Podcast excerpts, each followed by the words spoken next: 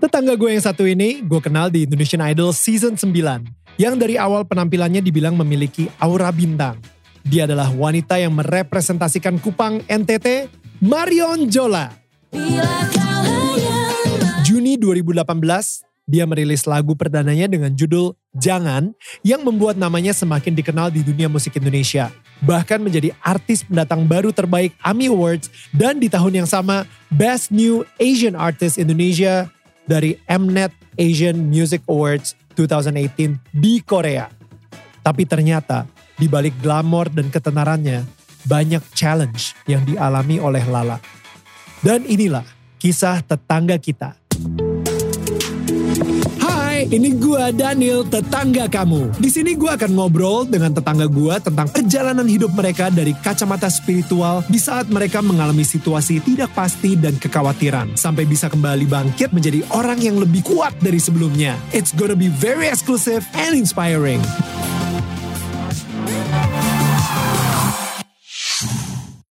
Alright guys, ini dia Marion Jola. Woo!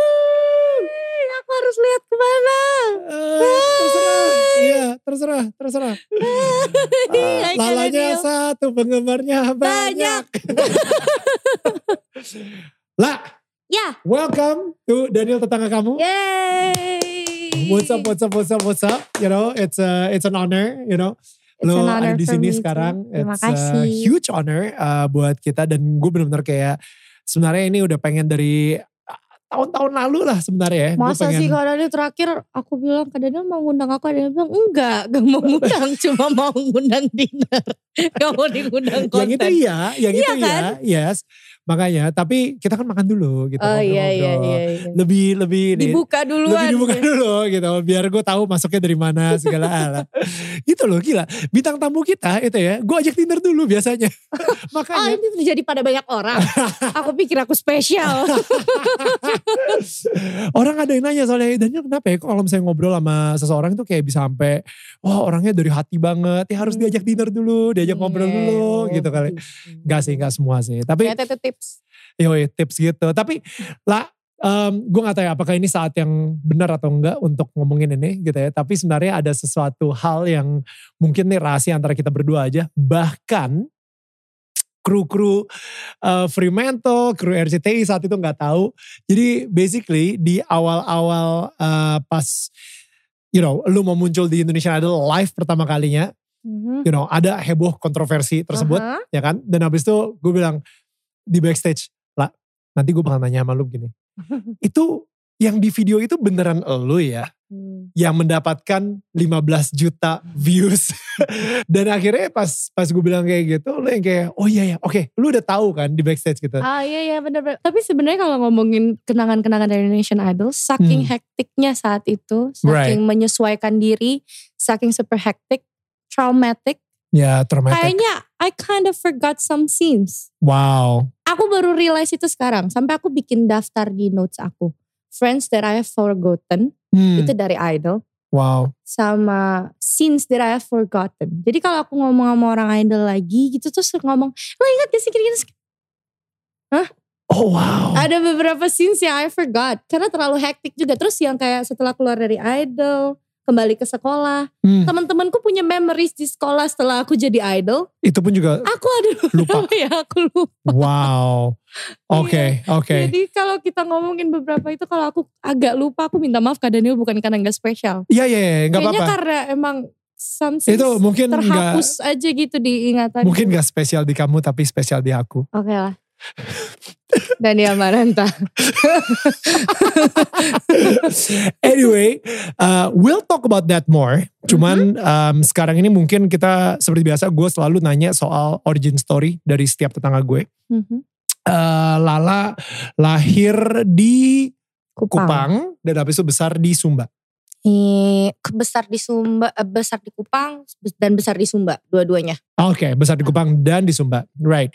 Dan habis itu uh, lu ada campuran Chinese-nya dari Mama, nyokap dan Hmm. uh, dari bokap. Bokap itu full Kupang.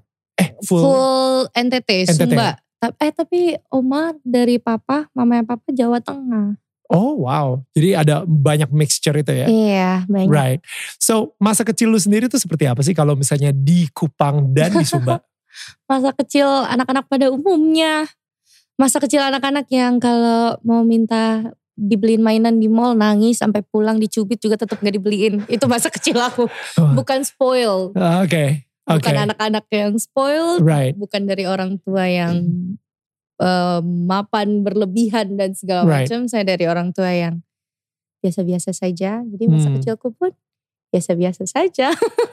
dari Oke. sekolah di Kupang eh, sampai SD kelas 3 pindah ke Sumba ngikut papa pindah. Karena papa PNS. Pindah tiga tahunan di sana, dibully, nggak nggak kuat, dibully, minta pindah ke Kupang. Akhirnya pindah ke Kupang. Wait, lu dibully di Kupang? Dibully di Kupang, di Sumba, Kupang iya. lagi dibully lagi. Everywhere I go, Kenapa? Bullied. Ini aku udah sering share karena aku punya sifat suka jadi Yang MPO itu? nomor satu ya MPO MPO. Right, right, right. MPO Minta- mencari, oh minta minta, perhatian, perhatian orang. Um, nah, gue actually, yes, gue udah sering denger lu ngomong MPO. Bokap lu sendiri juga bilang kamu itu MPO Ya, banget. dimarahin. Lu pernah ngeh nggak MPO itu sebenarnya dari mana akarnya? Nggak tahu ya. Tapi sepertinya karena my mother, karena mama selalu sebenarnya ini kata-kata baik yang selalu mama taruh. Kamu paling cantik, paling pintar, paling cakep. Mau Hmm. keluar, "Hmm, mama punya anak hari ini paling cantik. Mau Hmm. ke sekolah minggu, Right. didandanin paling segala macam. Sebenarnya pasti sekolah minggu ada yang lebih lebih gaya lagi. Tapi Hmm. aku dalam kepala sama mama udah, kamu paling cantik hari ini. Mama punya anak paling cantik. Tapi So I always harusnya, feel like I'm the best. tapi harusnya itu bikin lu jadi secure. Tanpa lu harus minta perhatian orang. Iya, Ngerti gak? Kalau misalnya lu insecure di dalam, berarti lu yang kayak Oh iya ya. Ngerti gak? bener Maksudnya ya. kayak kalau misalnya mama lu udah selalu bilang kamu yang paling cantik, kamu yang paling hebat, kamu yang paling pinter. Harusnya di rumah kamu udah secure, jadi kamu gak perlu lagi butuh perhatian orang di luar. betul betul. Harusnya, harusnya. Benar. Tapi kenapa masih MPO? em, biarpun di rumah udah secure. Berarti MPO-nya itu bukan dalam artian minta perhatian orang karena aku mau your attention to make me feel I'm okay, I'm the best. Bukan, itu ya? I already know I'm the best. I want you to see me. Hmm, Lebih kayak gitu. Jadi kalau misalnya mama punya tamu, mama dulu kan dosen suka punya tamu mahasiswa banyak ke rumah. hmm. kalau mahasiswa mahasiswa datang nih lagi di ruang tamu, aku suka muter-muter aja terus mama lagi ngobrol. Right. Karena apa? Aku rasa aku lagi pakai bando favoritku. Aku mau dia lihat bando aku. Right, Aku mau right, right, dilihat right. aku aktif, Ya, bisa ya, pintar ngomong dan segala macam. right. Dan Sepertinya lebih ke situ. berarti lu Kalau dari kecil. craving buat tepuk tangannya, craving buat pujiannya. I think so. I like. Right. Aku suka dipuji. Aku suka dibilang, oh, lo jago banget. Gitu. Iya, iya, iya. Suka banget mendengar hal itu. Iya, iya, iya. iya. Dan maksudnya kadang-kadang itu itu sebenarnya bagus karena itu selalu ngedrive kita untuk kita akan menjadi lebih bagus, lebih bagus, lebih bagus lagi ya. Tapi Ah, gue sendiri juga pernah denger quote gitu. Kalau misalnya lu hidup akan pujian orang terus, lu akan mati karena kritikan orang, betul. right? Jadi pujian yang membangun kita malah em, bisa menjadi eh, senjata yang sangat bahaya ketika ada orang yang kritik kita. Hmm. Ka- Sebenarnya kritiknya mungkin karena dia emang gak suka lagunya, tapi itu malah menusuk ke identitas lo. Lu gak suka lagu gue, berarti lu gak suka gue. Nah, You know what I mean? Like, aku aku ngalamin kok. right. Tapi bukan dari dengerin kritik terus kayak ngerasa, wah nih orang gak suka gue joksek. Bukan dari kritik, tapi lebih ke selama ini aku selalu mendapat pujian di saat aku gak dapet pujian, aku rasa I fail. Hmm. Jadi kayak misalnya aku punya orang A dan orang B. I've been with this A person for many years dan isinya dia puji aku. Wow, ya. Terus aku ketemu si orang B ini eh, setahun lah bersama dengan orang B ini. Gue gak dipuji ya. Hmm. Why? Sedangkan seba, si A ini yang selalu aku temui, I know this person, uh, aku tahu seleranya dia, uh, Hmm. otaknya dia dan segala macam. Dia bilang dia selalu puji aku. Kenapa aku ketemu B ini aku aku nggak dipuji ya? Hmm. Is there something wrong with me? Atau satu tahun aku isinya dipuji banyak orang, and then there's another year where I just Hmm. gitu biasa aja tanpa pujian yang luar biasa. Di situ aku mulai ngerasa kayak kayaknya ada sesuatu yang menurun dari kualitas diriku, ada Hmm. yang berkurang dari aku, ada yang salah. Hmm. sama aku. Uh, Kayaknya begitu. Daripada dari dengerin kritikan. Kalau aku sih dengerin kritikan masih kayak, hah? Ya sih. Hmm. Gue lebih suka yang puji gue daripada lu gue gak dengerin. Right. Gitu. sekarang gimana? How do you how do you handle that? I still cannot handle it. I still can't handle it. Wow. I can't. Eh, tapi kalau misalnya aku lagi, aku tuh kemarin-kemarin kalau di interview aku selalu bilang aku orang paling percaya diri, paling positive thinking, bla bla bla bla. Satu tahun ini aku ngerasa, aku nggak tahu aku boleh ngomongin apa enggak. Kenapa? Ternyata aku bisa ngerasa yang super down and sometimes I wanna cry kayak gitu. Ya, Eh, ternyata gue nggak se apa sih percaya diri positif diri dan yang optimis. gue selalu ngomong-ngomong itu. Hmm. Jadi aku sampai sekarang belum bisa handle. Tapi kalau misalnya aku lagi rasa sedih, satu-satu yang bisa aku lakukan adalah mencari the the little spark of happiness yang bisa aku bikin.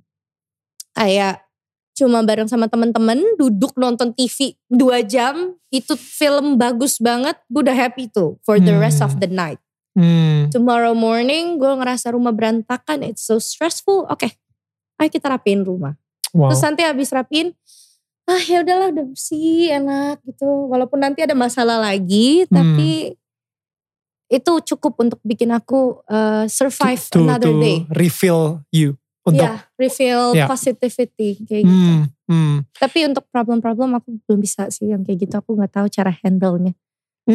kayak kayak gimana? Sorry, gue gue jadi penasaran. Oh, kan jadi Kak Daniel tanya aku soal cara handle-nya yang kayak gak dapat pujian lagi. Right. Padahal selalu dapat pujian gimana? Aku nggak tahu cara handle-nya. Oke. I've been living with just mensyukuri day by day apa yang Hmm. bisa aku syukuri dari hari ini to make me feel better and then tomorrow misalnya aku ngerasa nggak baik aku cari lagi Hmm. karena aku tahu aku selalu diberkati kan Right. Eh, harusnya dan sudah dan memang memang iya gue tuh sudah diberkati Ya. jadi di saat gue ngerasa ada masalah and super down ya coba dicari aja gitu apa yang bersyukur hari ini ya Eh, berumah bersih Hmm. dogi-dogiku sehat Ya. itu cukup buat bikin aku happy dan melupakan masalah sementara Kayaknya nggak tahu. Dulu oke. Actually, eh, Lala sekarang umur 21 ya or 22. Wait, ada satu 21 kan atau 20? kan 2021 kan ini Iya. setiap tahun itu umur aku Oh my Karena aku lahir goodness. 2000. 2000. Oh iya. Oh. Maaf ya. You're one of those. one of Maria, Liodra, Ya, Tiara, ya, ya. Oh lupa I'm gue. one of them. Lupa gue. Oke. Eh, lu umur 21 dan actually waktu gue umur 21 gue sendiri juga sangat eh, mengkaitkan identitas gue dengan performance gue. Ya. Em, kayak kalau misalnya misalnya deh kayak gue eh, dulu 21 misalnya di MTV gitu ya. Um, nge-VJ acaranya bungkus nggak bagus gitu misalnya gue ngerasa kegagalannya di gue. Bukan Hmm. di krunya bukan di kreatifnya bukan Oh, di ya. produsernya di gue.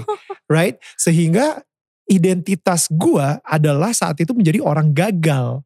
Orang yang mungkin eh, wah VJ VJ lain bisa tapi lu nggak bisa. Emang lu aja dari dulu lu emang selalu sial.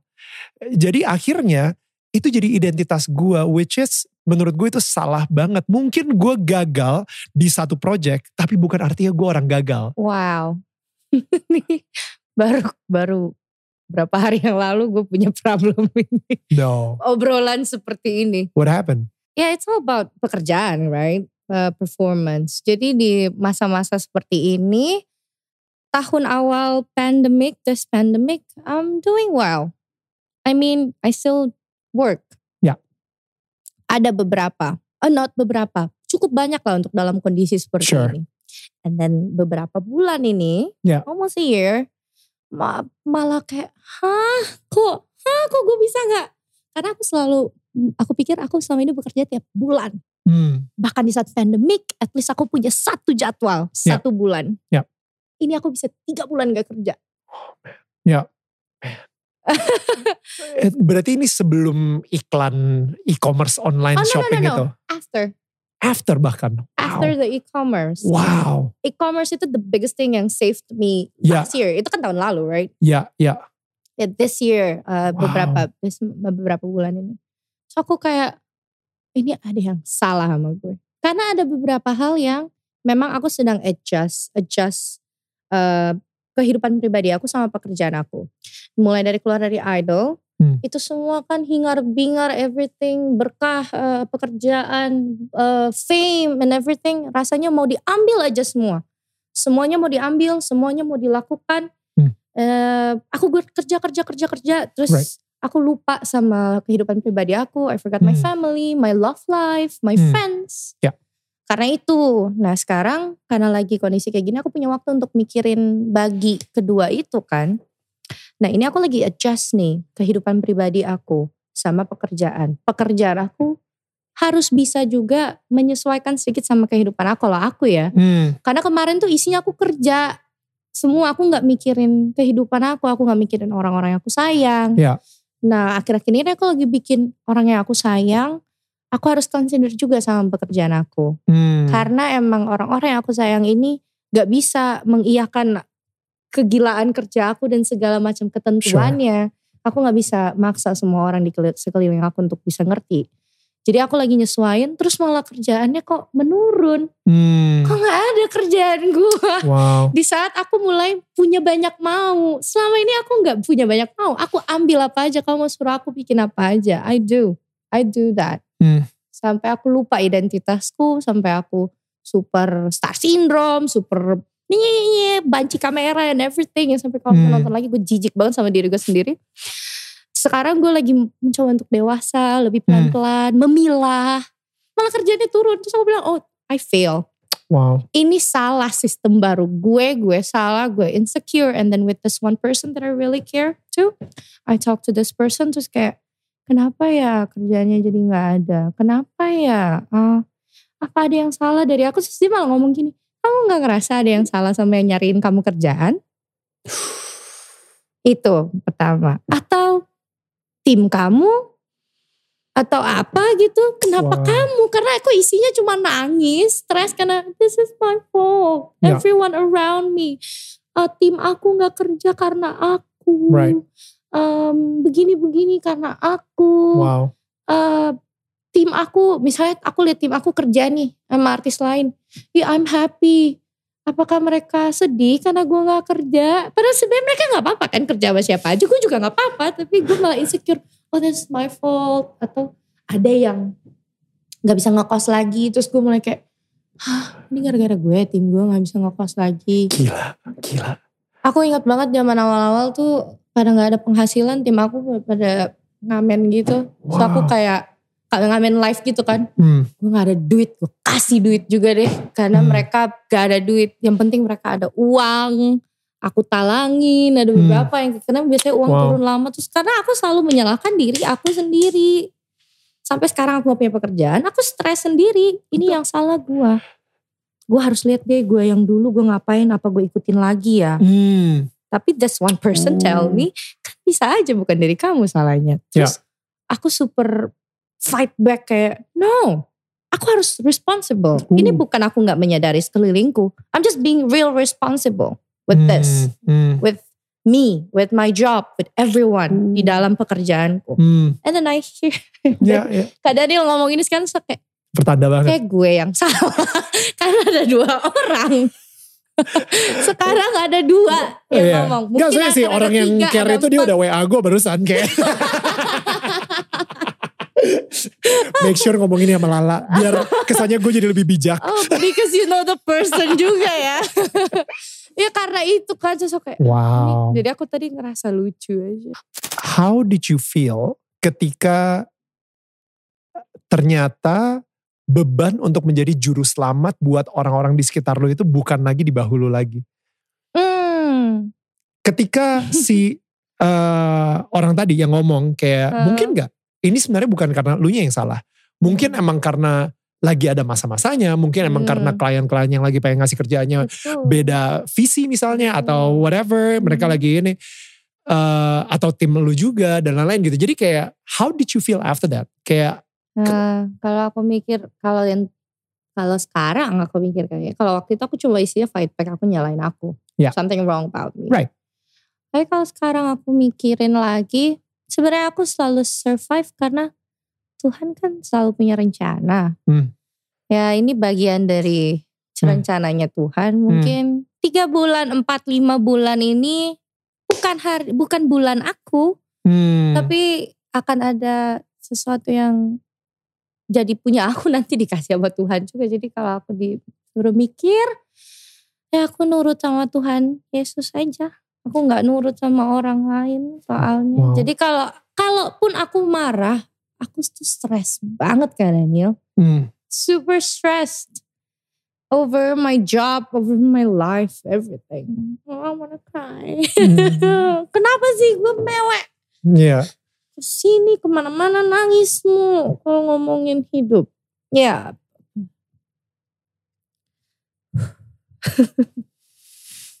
Maaf ya kak. I don't even understand kenapa orang minta maaf kalau nangis. Gue gak, ngerti sih. It's, it's totally fine.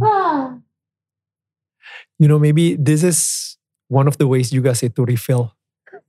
Karena lo udah you know all this insecurity, all this udah lu pent up banget di dalam dalam hati lo dan mungkin this is like one way to actually just release it and I've been so stressed. okay. Sebenarnya aku stres banget karena banyak hal aja karena keluarga, karena pribadi aku, eh, Sure. umurku kan lagi umur-umur mencari jati diri masih lah kan Baru kak. ngomong, lu udah lewat umur pubernya gitu. Oh lu udah lewat ya? Kalau jangan jangan kalau enggak, itu- enggak ya bukan ya? jangan salahin hormon juga, sorry. Oke oke oke berarti gue gak bisa salahin hormon ya. Ya pokoknya aku punya masalah keluarga, masalah ego, masalah eh, pilihan, masalah pekerjaan. I have so many problems. Lah, the fact that uh, lu tahu kalau misalnya lu punya masalah ego itu Hmm. one step better than a lot of people. Oh ya? Banyak tadi nyari alasan ya. Iya. Tapi maksud gue banyak orang itu yang kayak mereka nggak punya cukup self awareness Hmm. untuk even tahu problemnya itu di mereka kadang-kadang. Oh ya ya. Kayaknya Iya. aku karena banyak orang sering ngomong aku lu tuh egois gitu teman-temanku semua di Hmm. sekelilingku. Orang-orang Oh, wow. tersayangku memilih karena mereka tahu aku nggak bisa dengar-dengaran. Nggak bisa. Dengar, nggak bisa nurut, nggak bisa mengakui, Hmm. keras kepala banget, Karena wataknya aja kayak Oh iya, emang dari itu. tabiat, oke memang wataknya oke. keras kepala, tidak mudah untuk dikasih tahu. Jadi kalau mereka mau ngomong sama aku, mereka langsung gitu aja. Lo tuh egois. Sekarang ini gimana? aku Menurut lo ngerasa aku masih egois atau lu lagi membuat perubahan untuk menuju Masih egois, kurang egois? Enggak. enggak. masih egois kok. Ya. Masih, karena aku masih sering merasa orang-orang gak mikirin aku. Aku rasa itu bagian dari aku egois. Karena sebenarnya orang-orang do think about me, do care about me. Hmm. di saat aku rethink. Tapi Hmm. biasanya pemikiran pertama eh gitu. Jadi aku Hmm. masih ngerasa aku egois. Hmm. Tapi sekarang di saat orang bilang aku egois, aku bisa mengakui itu. Hmm. Maksudnya bisa menyetujui. Oke, I get it. Oke, oke, oke. Kalau lo bilang gue egois, let me rethink. Hmm. Gitu. Makanya aku bisa ngomong aku egois. Ya no, karena eh, dulu waktu gue beberapa bulan yang lalu Mm-mm. eh istri gue Viola itu sempat ngasih tahu gue sesuatu yang ternyata itu adalah blind spot gue, which Hmm. means selama ini gue hidup gue ngerasa itu normal-normal aja, itu sah-sah aja. Tapi ketika Hmm. Viola ngasih tahu, gue ngerasa, what? Gue selama ini gitu, hah? Dan yang lebih gilanya lagi Viola taunya gara-gara dia hangout sama nyokap gue, sama em, eh, kak, eh, no adik ipar gue, jadi eh, istrinya adik gue. nah, Hmm. Dia lagi hangout dan habis itu dia ngerasa ada satu karakter yang, what? Kok ini aneh ya? Kayak gini ya. Dan si Daniel juga kayak gitu. Ternyata selama berapa puluh tahun gue hidup, emang kita di surroundingnya seperti itu. Hmm. Yang normal-normal aja bagi kita, tapi bagi dia yang menjadi orang luar yang datang dari Jerman gitu ya, ini no, this is not, this is not right gitu. Dia address itu ke gue, gue yang kayak, loh, gue ada justifi- justifikasinya juga Hmm. gitu. Enggak dong, harusnya gini-gini, emang kita harus kayak gini dong. Ini oh, untuk kita survive gitu, untuk kita ini. Cuman ya, ya ternyata itu adalah satu karakter yang cukup buruk malahan Hmm. sebenarnya untuk kita simpan gitu. Ya, makanya di masa-masa aku lagi fragile ini aku mencoba untuk mendengarkan orang lebih karena aku nggak dengerin orang kayaknya aku gila nanti lama-lama karena isinya cuma pikiran aku aku Hmm. nyalahin diriku membenarkan diriku sendiri dan segala macam Wow. aku mikirin semua sendiri right I, Hmm. try, I, I try to think about everything Hmm. sendiri gitu makanya lama-lama kalau kayak gitu aku gila jadi aku coba untuk dengerin insert orang biar nggak gila Speaking of that, um, di pandemi ini lu juga bikin video klip Don't Touch Me, Mhm, right? Itu sama Anthony Ismail yang ngedirect. mhm, mhm. Dan uh, respect to him, I, I I love him, I love his art. Respect Pak E Ya, dan uh, di video klipnya sendiri lu yang sampai di Instagram pas gue ngeliat, lu kan posting di Instagram video behind the Mhm. scene-nya gitu ya, sampai katanya lu bener-bener di kayak toyor-toyor toyor-toyor sampai lu nangis sampai lu ngerasa kayak lu kerasukan dan lain-lain gitu kan. Nah, so tell me about that gitu. Kayaknya itu adalah cara lu untuk mengekspresikan kefrustasian lu di masa pandemi ini juga atau gimana? Like what is that? Oh, Enggak sih itu aku lagi being art, being a performer sih Oke. Kak Daniel. Tapi kan scene-nya aku itu kan ceritanya memang soal perempuan yang dilecehkan Hmm. by my lyrics Hmm. gitu. Sebenarnya ini tapi by the way lagu Don't Touch Me itu bukan refer to woman only ya. Hmm. Sebenarnya to every gender untuk semua orang, semua kalangan yang mengalami hal tersebut Hmm. di lirik-lirik kita, tapi kita pakai cerita perempuan karena both eh three of us, the three of us are women gitu. Jadi kita pakai perempuan. Oke, jadi scene aku perempuan yang dilecehkan, right? Hmm. And then I just drawn into it. Hmm. Apa ya? Merasakan ditoyor, ditarik, di gitu terus tiba-tiba kayak ah, dimasuk di kepala gitu. I can feel the pain. I can feel everything suddenly in my head and then I just cry. Hmm. Aku punya aku nggak tahu eh, sempat nggak direkam semua karena everyone kayak sangat serius dengan Hmm. scene Ya. itu. Jadi nggak sempat direkam BTS-nya Hmm. sayangnya. Padahal itu aku tiba-tiba lagi dipukul tiba-tiba aku yang teriak yang wah, I just wanna scream. Itu tapi eh kayaknya bener deh itu bagian dari aku mel- melampiaskan kemarahanku juga deh. Karena pas aku nangis ada sih a glimpse of kayak, yaudah gue lagi pengen nangis deh ini capek juga kerja deh gue nangis aja lah. Kayak Wow. tadi. Iya. nangis juga deh. So iya makanya gue gue pengen tahu apakah itu part of performance atau itu part of your life gitu, It's part of my life right? also. Karena gue ngerasain I juga. cry like that too. Karena aku nangis seperti itu juga di Hmm. rumah.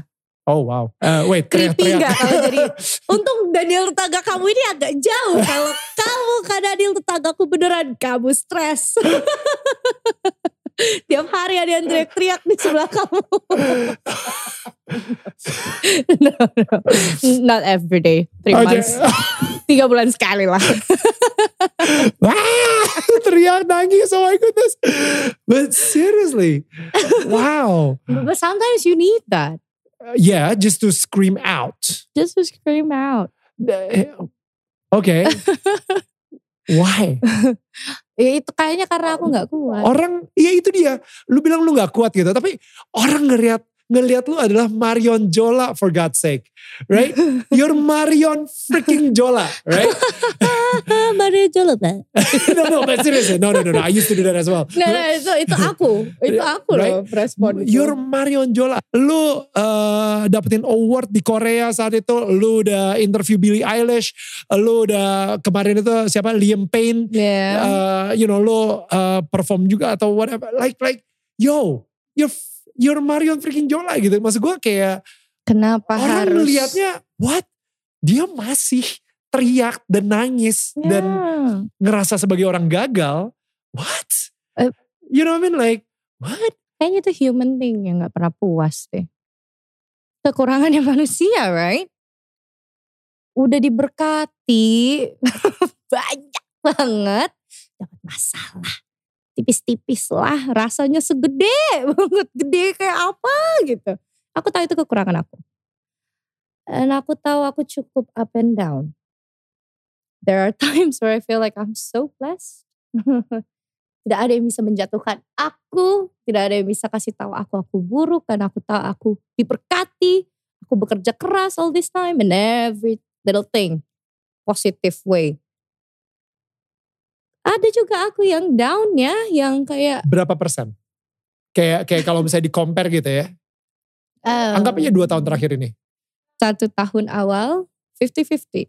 Oke. Bu- Kuat tuh di situ. eh, Hmm. fight backnya untuk kayak no no no you're blessed. Dan memang kondisinya juga ya masih oke. Hmm, Tuhan tolong terus. hmm, Kalau hmm. kata orang Kupang, Bapak yang di atas tolong beta terus. Wow. Kalau satu tahun akhir ini from 60-40 to 70-30. The Hmm. 31 is the positivity. Wow. Negativity is 70. Hmm. Even the people around me can feel that I am starting to change. Even kayak tadi aku bilang aku deg-degan nih mau oh, mulai kita. I feel weird talking to camera sometimes. Like I don't know what to do. Like Hmm, mulai kehilangan jati diriku. hmm, I don't know.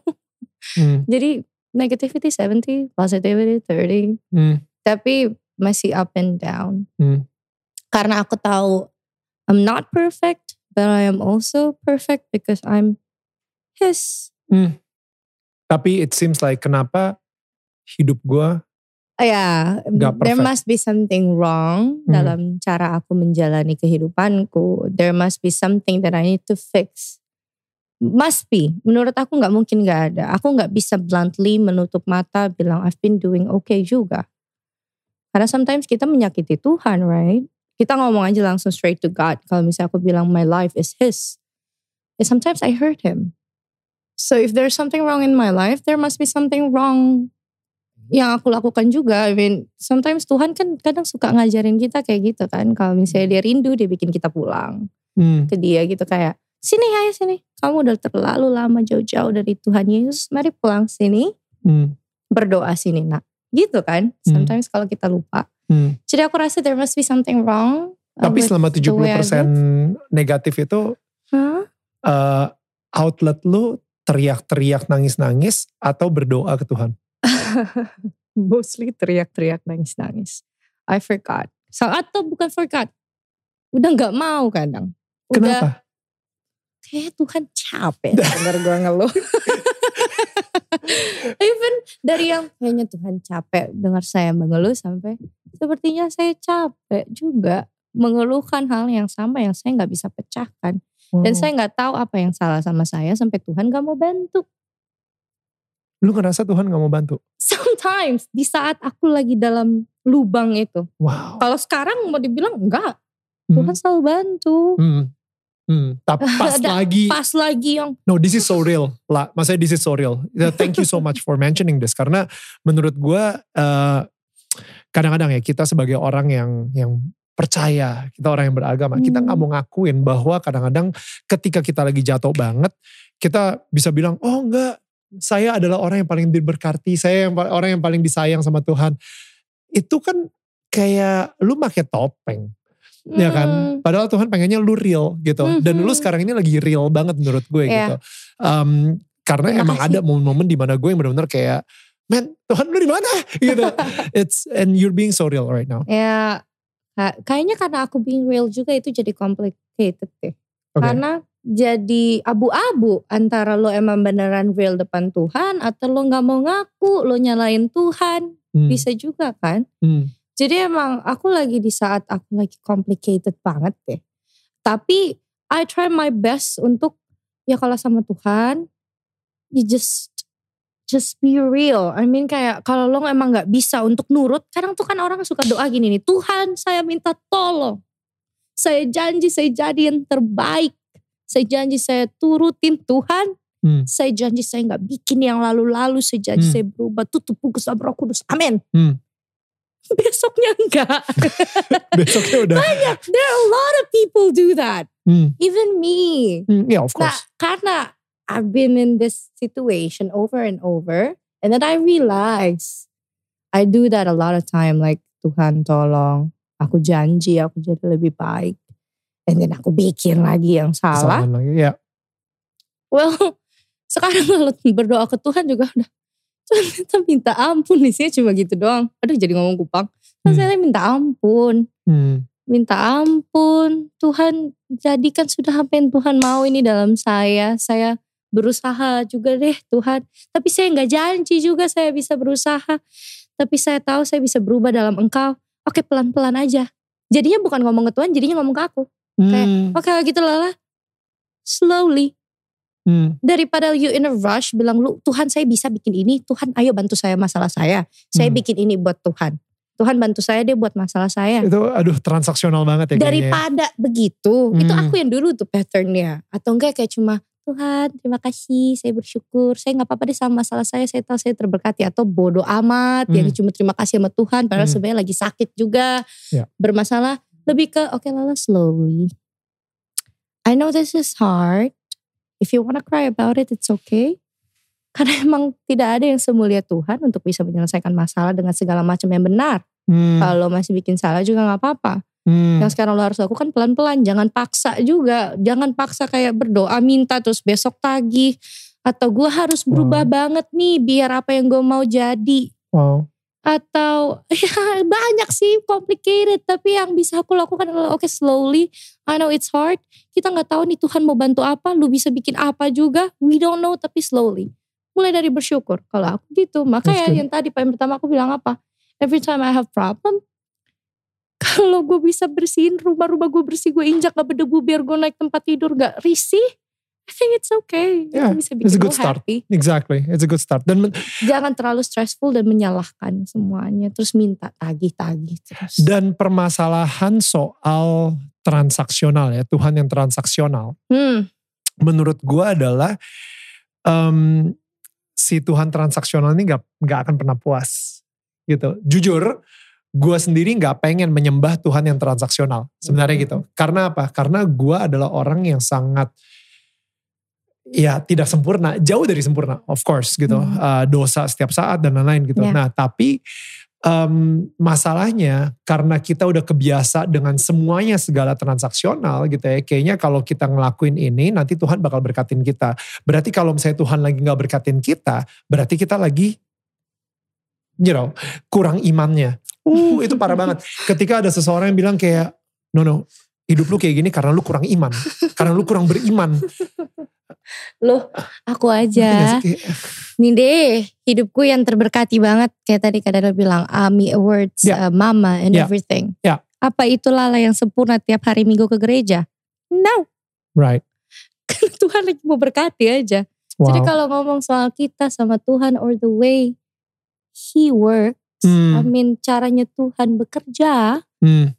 Kalau mau dijabarkan dari pengalaman atau dari orang paling pintar mana pun yang tahu nggak ada yang tahu please come Yeah. on stop Exactly. just let him do his work what you can do is be real Hmm. stop being like that dan aku paling benci orang kalau aku lagi punya masalah terus bilang kayak "Ya, makanya kayak tadi tuh Ya, Lebih beriman dong lu gitu. lebih begini dong lebih begini dong ya nggak bisa juga Makanya jadi kalau emang beriman tapi ternyata mau minta Tuhan kasih makanya lu rajin ke gereja rajin baca firman juga nggak benar boom. Tapi kalau orang emang beneran rajin baca firman karena tiap hari begitu juga ya Motivasinya Itu itu, juga dia tuh. Nah baru gue pengen ngomong Motivasinya. hatinya seperti apa. Karena menurut gue gini. em, Tuhan itu lebih menghargai menurut gue ya. Ini yang uh, dari pengalaman hidup gue. ini dari beliefs. Dari dari pengalaman gue actually sampai hari pengalaman. ini gitu ya. Em, Tuhan itu lebih menghargai progress daripada perfection. Oke. Ketika lu ngomong kepada Tuhan yang transaksional itu, mulai besok gue nggak akan pernah das, ya kan? Hmm. Berarti lu akan seumur hidup lu sampai lu mati, lu akan sempurna banget tuh, nggak pernah ngelakuin hal tersebut. Tapi kan nggak mungkin, right? Jadi Hmm. ada saat-saatnya di mana kita sebagai manusia yang lemah ini berusaha dan mungkin kita akan keselip. Hmm. Tapi keselipnya, kalau misalnya dulu keselip tiap hari, ini keselipnya seminggu sekali. Misalnya seperti itu. Hmm. Seminggu sekali jauh lebih bagus daripada setiap hari. Dari seminggu sekali kita rayakan progres. Bukan perfection. Kita rayakan progres. Kita rayakan hal kecil tersebut gitu. Akhirnya setelah seminggu sekali, mungkin kita keselipnya sebulan sekali. Mungkin akhirnya kita keselipnya enam bulan sekali. Mungkin kita keselipnya akhirnya setahun sekali. Tapi it's okay gitu. Jangan kayak benar-benar menghukum karena udah deh karena gua nggak sempurna. I don't wanna bother it anymore. Gue gak peduli. Udahlah gue tiap hari aja. Karena gue gue adalah orang gagal anyway. Gitu misalnya. Hmm. You know, gua- jadi se- sejauh ini gue bersyukur banget gue bisa merasakan em, Tuhan sendiri itu kayak ikutan menyemangati gue dan memaafkan gue ketika gue lagi selip gitu. Ketika gue lagi Iya. ya, ya karena eh ingat loh, lu sebenarnya nih selipnya udah lebih bagus daripada hidup lu kayak tahun lalu loh. You see Oh. what I mean? Makanya Tuhan itu luar biasa dan tidak ada yang bisa sama. Hmm. Kayak gini kalau misalnya tadi Daniel ngomong soal orang eh, progress terus kan. Aku nih belum progress. Aku, aku belum progress loh.